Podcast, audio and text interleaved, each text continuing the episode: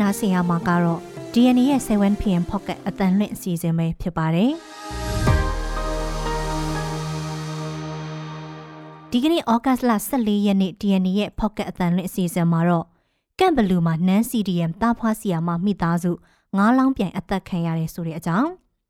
အခုနှစ်အတွင်းမြို့နယ်တရားရုံးပေါင်း100အထိဖွင့်ဖို့ NUG တရားရေးဝန်ကြီးဌာနဆောင်ရွက်နေတယ်ဆိုတဲ့အကြောင်းတန်လွင်နဲ့ချင်းတွင်းမြစ်ရည်စိုးရင်ရင်မက်အထိဆက်ရှိအောင်မယ်ဆိုတဲ့အကြောင်း ထန်တလန်ခွာပိုးရွာကိုစက်ကောင်စီပုံကျဲတိုက်ခိုက်တယ်ဆိုတဲ့အကြောင်းစစ်အုပ်ချုပ်ရေးကြီးညာခံချားရတဲ့မြို့နယ်တွေမှာလေကြောင်းတိုက်ခိုက်မှုပိုတိုးလာတယ်ဆိုတဲ့အကြောင်းစတဲ့ပြည်တွင်းသတင်းတွေနဲ့ဘင်လယ်နက်မှာကုန်တင်ရေရင်တစည်းကိုရုရှားရေတပ်6လန့်ပစ်ခတ်တယ်ဆိုတဲ့အကြောင်းနိုင်ဂျီးရီးယားမှာဗလီပြိုကျမှုကြောင့်လူ9ဦးထပ်မံတေဆုံးတယ်ဆိုတဲ့အကြောင်းစတဲ့နိုင်ငံတကာသတင်းတွေနဲ့အတူຫນွေဦးတွေကကြပြကြပြတွေကຫນွေဦးကိုနားဆင်ရမှာပါ ပြည်ရင်းသတင်းတွေကိုတော့ကျမနန်းခမ်းနဲ့ကိုမောင်သိန်းကတင်ဆက်ပေးမှာပါ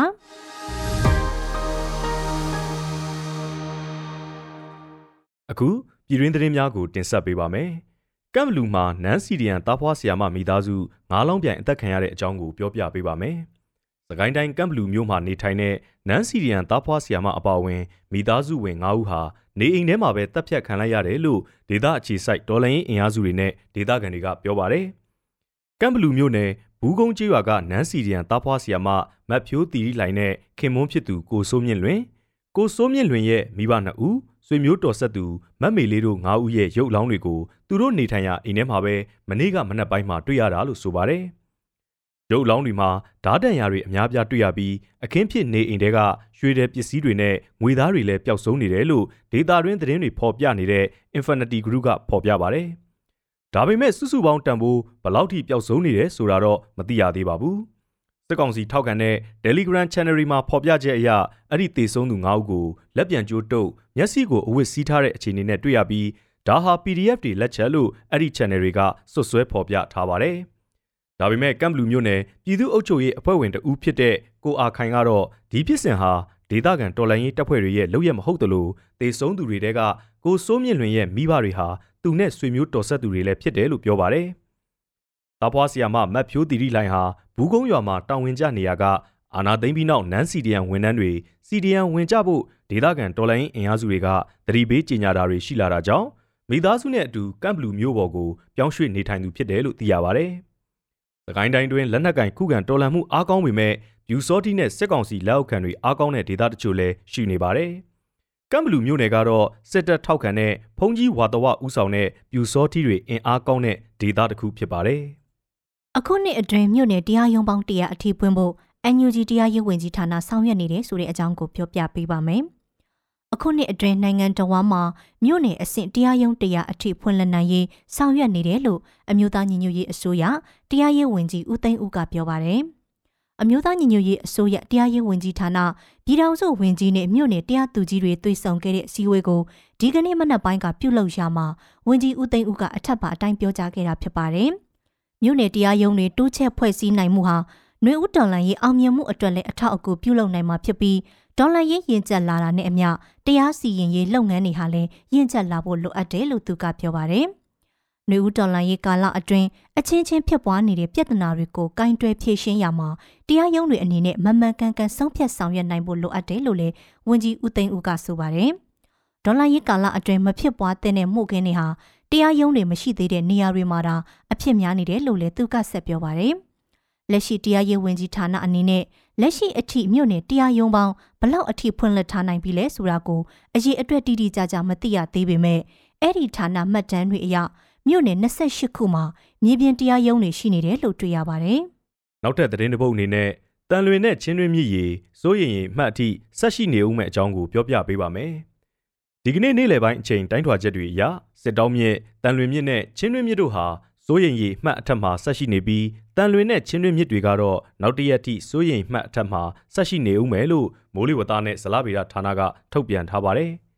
ပြီးခဲ့တဲ့ဇွန်လနှောင်းပိုင်းကနေအခုလဒုတိယပတ်ထိမိုးဆက်တက်ရွာသွန်းမှုနဲ့မြစ်ရည်မြင့်တက်မှုတွေကြောင့်နိုင်ငံတော်ဝန်မြို့နယ်အများပြားမှာရေကြီးရေရှမ်းမှုနဲ့မြေပြိုမှုတွေဖြစ်ခဲ့ပါတယ်။လက်ရှိမြစ်ရည်တိုင်းတာချက်တွေအရတန်လွင်မြစ်နဲ့ချင်းတွင်းမြစ်ဟာနောက်တရက်ထိစိုးရင်မှတ်အထက်မှာဆက်ရှိနေမှာဖြစ်တာကြောင့်ဖအံမြို့နယ်ဟုံးလင်းမြို့နယ်အတွင်းမှာရှိတဲ့မြစ်ကမ်းနီးနဲ့မြေနိမ့်ပိုင်းမှာနေထိုင်သူတွေသတိပြုကြဖို့မိုးစလဌာနကသတိပေးထားပါတယ်။စစ်တောင်းမြေရီကတော့ဒီကနေ့အထိမတော်မြို့မှာစိုးရင်ရင်အမှတ်ထက် ပေဝက်လောက်မြင့်တက်နေသေးပေမဲ့နောက်တစ်ရက်အတွင်းစိုးရင်ရင်မှတ်အောက်ပြန်ရောက်နိုင်တယ်လို့ဆိုပါတယ်။ပြီးခဲ့တဲ့ရက်အနည်းငယ်အတွင်းစစ်တောင်းမြေရီနဲ့ပဲခူးမြေရီတို့မြင့်တက်ခဲ့တာမိုးများတာတွေကြောင့်ပဲခူးမြို့မှာရေကြီးရေရှမ်းမှုတွေဖြစ်ခဲ့ပါသေးတယ်။ချင်းတွင်းမြစ်ကတော့စကိုင်းတိုင်းအထက်ပိုင်းကချင်ပြည်နယ်အဆက်မှာမြစ်ဖျားခံပြီးလက်ရှိလက်နက်ကင်တော်လှန်မှုအားကောင်းနေရမြို့နယ်တွေဖြစ်တဲ့ဟုံမလင်းမော်လိုက်ကလေးဝမင်းကင်ကနီးစလင်းကြီးမုံရွာ စတဲ့မြို့နယ်တွေကိုဖျက်ဆီးကစကိုင်းတိုင်းအောက်ပိုင်းအေယာဝတီမြစ်အထိစီးဆင်းနေစေမြစ်တစင်းဖြစ်ပါတယ်ဆက်လက်ပြီးတော့ထန်တလန်ခွာဖိုရွာကိုစက်ကောင်စီပုံကျဲတိုက်ခိုက်တယ်ဆိုတဲ့အကြောင်းကိုပြောပြပေးပါမယ်။လေကြောင်းကပုံကျဲတိုက်ခိုက်ခံရလို့ခလေးနှစ်ဦးအပါအဝင်ဒေသခံ10ဦးသေဆုံးခဲ့ပူတဲ့ချင်းပြည်နယ်ထန်တလန်မြို့နယ်ခွာဖိုရွာကိုစက်ကောင်စီကဒီကနေ့မှလေကြောင်းကနေဒုတိယအကြိမ်ပုံကျဲတိုက်ခိုက်ခဲ့တယ်လို့ချင်းလူအခွင့်ရေးအဖွဲ့ CHRO ကဖော်ပြထားပါတယ်။ ဒီကနေ့လေကြောင်းတိုက်ခိုက်ခံရမှုအတွင်းလူထိခိုက်သေးဆုံးမှုမရှိခဲ့ပေမဲ့ခွာဖိုရွာကခရီးရန်ဖျားเจ้าနဲ့လူနေအိမ်လေးလုံးထိခိုက်ပျက်စီးသွားတယ်လို့သိရပါတယ်။ချင်းတော်လန်ရေးပူပေါင်းတက်နဲ့စက်ကောင်စီတက်တို့ဒီကနေ့မနက်ပိုင်းကထန်တလန်မြို့မှာတိုက်ပွဲဖြစ်ခဲ့ပြီးတဲ့နောက်ထန်တလန်မြို့မြောက်ဖက်9မိုင်အကွာကခွာဖိုရွာကိုလေကြောင်းကနေပုံကျဲတိုက်ခိုက်ခဲ့တာလို့ဆိုပါတယ်။ စုစုပေါင်းအိမ်ခြေ80လူဦးရေ200လောက်သာနေထိုင်တဲ့ခွာဖိုရွာကိုစစ်ကောင်စီကပြီးခဲ့တဲ့မတ်လ30ရက်ကလည်းလေကြောင်းကနေပုံကျဲတိုက်ခိုက်ခဲ့တာကြောင့်ကလေးတွေနဲ့အမျိုးသမီးတွေအပါအဝင်10ဦးသေဆုံးက9ဦးဒဏ်ရာရခဲ့ကြပါတယ်။စစ်ကောင်စီရဲ့တပ်စခန်းတွေခြေလျင်စစ်ကြောင်းတွေနဲ့ရင်နှန်းတွေတိုက်ခိုက်ခံရပြီးအထိနာလေးရှိကတော်လှန်ရေးအင်အားစုတွေအားကောင်းတဲ့ချင်းပြည်နယ်မှာစစ်ကောင်စီကလေကြောင်းတိုက်ခိုက်မှုတွေမကြာခဏအသုံးပြုလေရှိပါတယ်။ နောက်ဆုံးသတင်းတစ်ပုဒ်အနေနဲ့စေအုပ်ချုပ်ရေးကြီးညာခံထားရတဲ့မြို့နယ်တွေမှာလေကြောင်းတိုက်ခိုက်မှုအ धिक အသုံးပြုနေတဲ့အကြောင်းကိုပြောပြပေးပါမယ်။စစ်ကောင်စီကစေအုပ်ချုပ်ရေးကြီးညာထားတဲ့မြို့နယ်တွေမှာလေကြောင်းတိုက်ခိုက်မှုကိုအ धिक အသုံးပြုနေသလိုတိုက်ပွဲနဲ့မီးရှို့ဖျက်ဆီးမှုတွေလည်းဆက်လက်လှုပ်ဆောင်နေတယ်လို့ ISP မြန်မာရဲ့သုတေသနစာတမ်းငယ်တစ်ရက်မှာဖော်ပြပါဗျ။စစ်ကောင်စီဟာအခုနှစ်ဖေဖော်ဝါရီလအတွင်းစကိုင်းတိုင်းချင်းပြည်နယ်မွန်ပြည်နယ်ကရင်ပြည်နယ်တနင်္သာရီတိုင်းနဲ့ကရင်နီကယားပြည်နယ်တို့က ခုခံတော်လှန်မှုအားကောင်းတဲ့မြို့နယ်ပေါင်း40ကိုစစ်အုပ်ချုပ်ရေးကြီးညာခဲ့ပါတယ်။အဲဒီလိုကြီးညာခဲ့ပြီးတဲ့နောက်ဇွန်လကုန်ထိစစ်အုပ်ချုပ်ရေးမြို့နယ်တွေမှာလေကြောင်းတိုက်ခိုက်မှုအကြိမ်တရာကျော်ပြုလုပ်ထားတယ်လို့ ISP မြန်မာကဖော်ပြပါတယ်။စစ်အုပ်ချုပ်ရေးကြီးညာပြီးတဲ့နောက်အဲ့ဒီမြို့နယ်တွေမှာမတ်လကနေမေလအတွင်းလေကြောင်းတိုက်ခိုက်မှုကိုစံချိန်တင်အသုံးပြုခဲ့တယ်လို့ဆိုပါတယ်။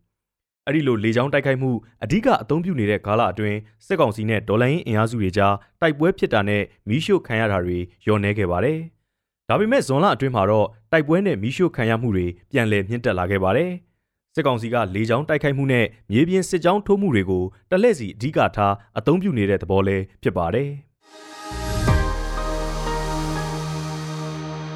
တက်လက်ပြီးနိုင်ငံတကာသတင်းအစီအစဉ်ကိုနန်းခမ်းကတင်ဆက်ပေးပါမယ်။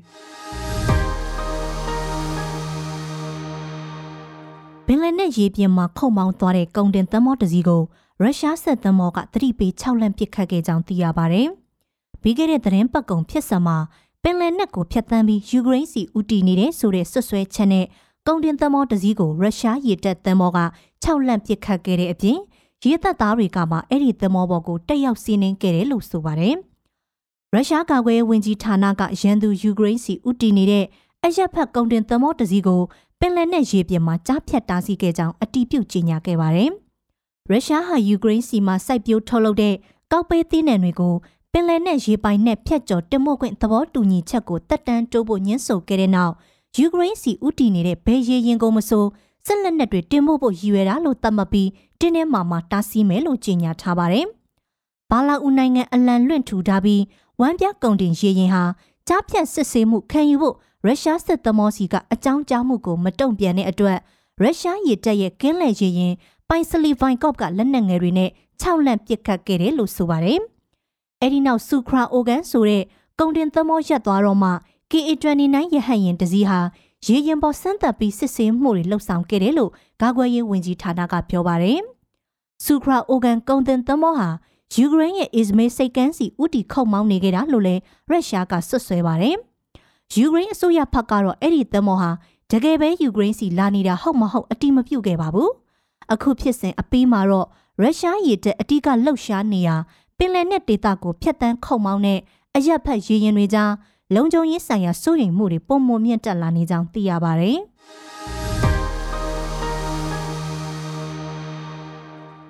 နိုင်ဂျီးရီးယားနိုင်ငံမှာဝတ်ပြုနေတဲ့သူတွေစုဝေးနေတုန်းဗ လီပြိုကျမှုဖြစ်ပွားရာကလူ9ဦးထပ်မံတည်ဆုံးခဲ့ကြောင်းသိရပါတယ်။နိုင်ဂျီးရီးယားအနောက်မြောက်ပိုင်းက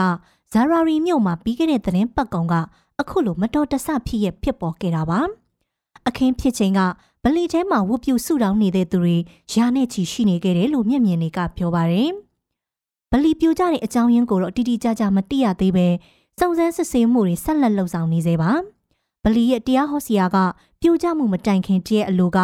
ဗလီနေရန်ပေါ်မှာအကြောင်းကြီးတစ်ခုပေါ်နေတာကိုသတိထားမိကြောင်းရဲရီစီကိုထွက်ဆိုခဲ့ပါတယ်။အဲ့ဒီဗလီဟာအနည်းဆုံးသက်တမ်းနှစ်ပေါင်း100လောက်ရှိပြီလို့လည်းယုံကြည်ရပါတယ်။အစောပိုင်းမှာအပြက်အစည်းတွေအောက်ကနေရုပ်အလောင်းလေးခုကိုဆွဲထုတ်နိုင်ခဲ့ကြောင်းဒါပေမဲ့ကယ်ဆယ်ရေးတွေကတော့ပိုက်စိတ်တိုက်လိုက်ရှာနေတဲ့အခါမှာနောက်ထပ်သေးဆုံးသူ၃ဦးကိုရှာတွေ့ခဲ့ကြောင်းမြို့တော်အုပ်ချုပ်ရေးကောင်စီတာဝန်ရှိသူအဗ်ဒူရာဟီကွာရာဘိုင်ကပြောပါတယ်။ နိုင်ဂျီးရီးယားမှာတက်တန်းရင်အဆောက်အုံတွေပြုတ်ကျတဲ့ဖြစ်စဉ်တွေကအစမ်းတော့မဟုတ်ပါဘူး။မနစ်ကတနစ်ထဲမှာတင်အနောက်အာဖရိကဒေသတွင်းနိုင်ငံမှာအဆောက်အုံပြိုကျမှုပေါင်းဒါဇင်နဲ့ချီကြုံတွေ့ခဲ့ရပါတယ်။မတော်တဆမှုအများစုကတော့အဆောက်အုံတွေရဲ့လုံခြုံရေးစံနှုန်းတွေကိုလိုက်နာဖို့ပြက်ကွက်တာပုံမှန်ပြုပြင်ထိမ့်သိမ်းမှုအားနည်းတာတွေကြောင့်လို့ဆိုပါတယ်။အခုဖြစ်စံမှာတော့ဗလီရဲ့အမိုးပိုင်းတနေရာပြိုကျခဲ့ပြီးပျက်စီးမှုတွေဖြစ်ပေါ်ခဲ့တာပါ။ ကေဆယ်ရေးတွေကတော့စီးရုံကိုလူပေါင်းနှစ်ဒါဇင်လောက်ထိပို့ဆောင်ပေးခဲ့ရပြီးအခြေအနေဆိုးရွားတဲ့သူတွေလည်းပါဝင်နေတယ်လို့သိရပါတယ်။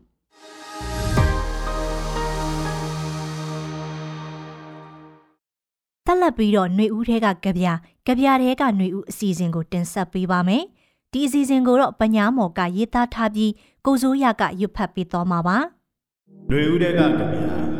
ပြထဲကຫນွေ ຫນွေဦးထဲမှာ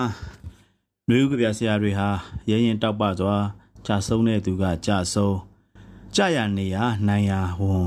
ထမ်းနေရင်ကြွေလင်းတဲ့သူကကြွေလွင့်တိုက်ပွဲရဲ့ဓာတ်ရိုက်ဘေးအန္တရာယ်ကြောင့်ပဲထွက်ခွာထွက်ခွာဒီຫນွေဦးမှာတနည်းမဟုတ်တနည်းအများမဟုတ်အနေပါဝင်ပတ်သက်ဆောင်ရွက်ရင်းသွေးရိုးသားရိုးပဲစုံပါစုံပါຫນွေဦးတွေက မမေ့နိုင်စရာကြပြစရာများအဖြစ်လေးမြတ်စွာမှတ်တမ်းတင်ထားရမှာဖြစ်ပါတယ်ကျွန်တော်တို့ ਨੇ ခေပြိုင်အဖြစ်ပြိုင်စစ်ကိုရင်ဆိုင်နေရစေရုရှားတွေရဲ့ကျူးကျော်စစ်ကိုတွန်းလှန်နေရဆဲဖြစ်တဲ့ယူကရိန်းဇာတိလည်းဖြစ်တဲ့လက်ရှိအမေရိကန်ကဗျာဆရာအီလီယာကာမင်စကီဟာစစ်ပွဲစကတည်းကသူ့ရဲ့ Facebook စာမျက်နှာမှာသူ့မူရင်းနိုင်ငံရဲ့ဖြစ်ပျက်ရုန်းကန်မှုတွေနဲ့ ယူကရိန်းကဗျာဆရာတွေရဲ့ကဗျာလှုပ်ရှားမှုတွေကဗျာစာအုပ်တွေကဗျာတွေယူကရိန်းစစ်ဘေးသင့်ပြည်သူတွေကိုထောက်ပံ့ကူညီဖို့ရန်ပုံငွေအစီအစဉ်တွေကို post တင်လေးရှိပါတယ်။ဩဂတ်လ9ရက်နေ့မှာတော့အိုတဆာမှာအခြေစိုက်နေထိုင်ဆဲဖြစ်တဲ့သတင်းစာဆရာကြီးနဲ့ယဉ်ကျေးမှုဗေဒပညာရှင်ကြီး Yes Gini Goluboski ရဲ့နာရေးကို သူက post တင်တဲ့အခါ Russia Federation ရဲ့ယူကရိန်းကျူးကျော်စစ်အပြည့်အဝစတင်ပြီးအိုတဆာမှာလည်းဘုံတန်ဒုံးတန်တွေကြားခဲ့ရပြီးချိန်မှာကျွန်တော်တို့ Goluboski စီစာရေးပါတယ်ကျွန်တော်ဘယ်လိုအကူအညီပေးနိုင်မလဲလို့သူကစပြန်ခဲ့တယ်ပူတင်တွေလာပြီးပူတင်တွေထွက်သွားရမှာပဲမင်းကူညီခြင်းနဲ့ဆိုရင်တော့ကြပြတွေအစစ်တွေဒိုးစီကိုပို့ပေးလိုက်လေ ငါတို့စာပေမဂ္ဂဇင်းတစ်စောင်တည်းအတူတူထဲ့သွင်းပုံနှိပ်ကြတာပေါ့စစ်ကာလအလယ်ပိုင်းမှာထွက်ခွာလာဖို့အခွင့်အလမ်းတွေအများကြီးသူရခဲ့ပေမဲ့သူ့မြို့မှာပဲသူ့ပြည်သူတွေနဲ့အတူတကွနေတယ်အစုံမရှိတဲ့လေချောင်းအန်ဒီရဲ့အချက်ပေးဩဝါဒံတွေကြားကနေသူစာပေမဂ္ဂဇင်းတစ်စောင်ကိုစူးစီးပုံနှိပ်ထုတ်ဝင်နေတာ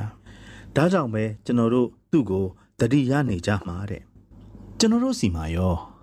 လက်ရှိ စစ်နဲ့ဝေးရမှာရှိနေပေမဲ့အပူနဲ့မအေးနိုင်တဲ့ကြပြဆရာတွေရှိတယ်လို့စစ်ဖေးရဒေသတဲ့တဲ့မှာသို့မဟုတ်အဲ့ဒီတောဟိုက်မှာနေထိုင်တချို့လဲစစ်ပွဲရှိရာကိုတိုးဝင်သွားခဲ့တဲ့ကြပြဆရာတွေဟာမများပေမဲ့မနှဲလှပါဘူးတချို့လဲကြပြာရေးတဲ့တော်လန်ရေးနဲ့စစ်ရေးမှာပိုးပြီးကိုကိုကိုနှစ်မြုပ်ထားကြတချို့လဲຫນွေဦးကြပြာတွေရေးကြတချို့က ကြပြ e-book တွေနဲ့ထောက်ပံ့ရန်ပုံငွေရသလောက်ရှာဖွေထည့်ဝင်ကြခုနကာမင်စကီဖော်ပြသွားတဲ့အသက်86နှစ်မှာကွယ်လွန်သွားရှာသူဂိုလူဘော့စကီလိုလူသားတွေဟာစစ်ကိုက်ခဲတာခံရတဲ့နိုင်ငံထဲမှာအခဲရှင်သန်ရင်ဆိုင်ကြလျက်ပါပဲကြာရနေရနိုင်ရဝင်ထမ်းနေရင်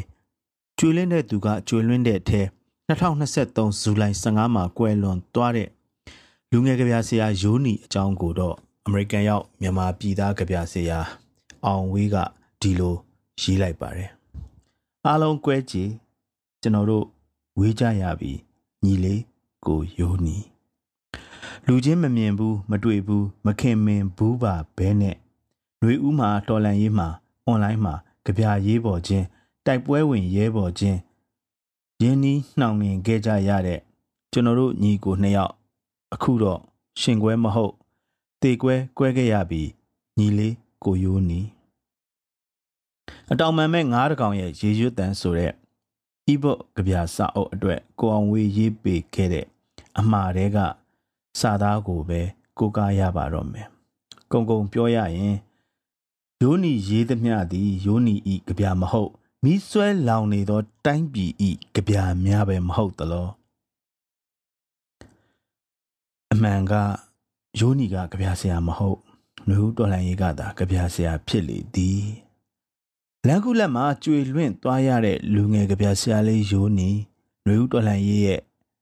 နာမတော်အောက်ရေးသွားခဲ့တဲ့ကြပြတပုတ်ကိုအခုကျွန်တော်အမတ်တရအလေးအမြတ်ပြုရွှတ်ဆိုခွင့်ပြုပါခင်ဗျာ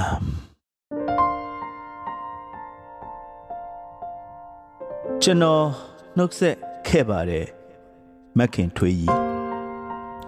ကျွန်တော်နှုတ်ဆက်ခဲ့ပါတယ်ဗျာလန်ကူလက်တစ်ခုရဲ့ပြိုမြင့်နုနယ်ချင်းကလွဲလို့ကျွန်တော်အိတ်ထောင်နဲ့ဘာမှထဲ့ယူမသွားခဲ့ပါဘူးမက်ခင်ထွေးကြီးရေရွှေနဲ့ငွေနဲ့နေခဲ့တဲ့မက်ခင်ထွေးကြီးကို ပြာပုံစစ်တလင်းထဲမှာစိတ်ပြက်လက်ပြက်တွေ့နေရတော့ ကျွန်တော်ကိုကျွန်တော်လည်းအပြစ်ကင်းတယ်လို့မခံစားရပါဘူးဒါကြောင့်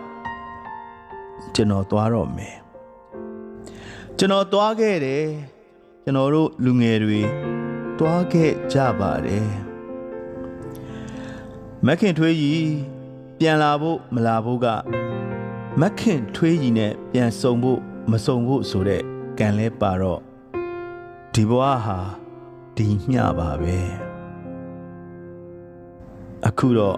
ကျွန်တော်နှုတ်ဆက်ခဲ့ပါတယ်မက်ခင်ထွေးကြီး။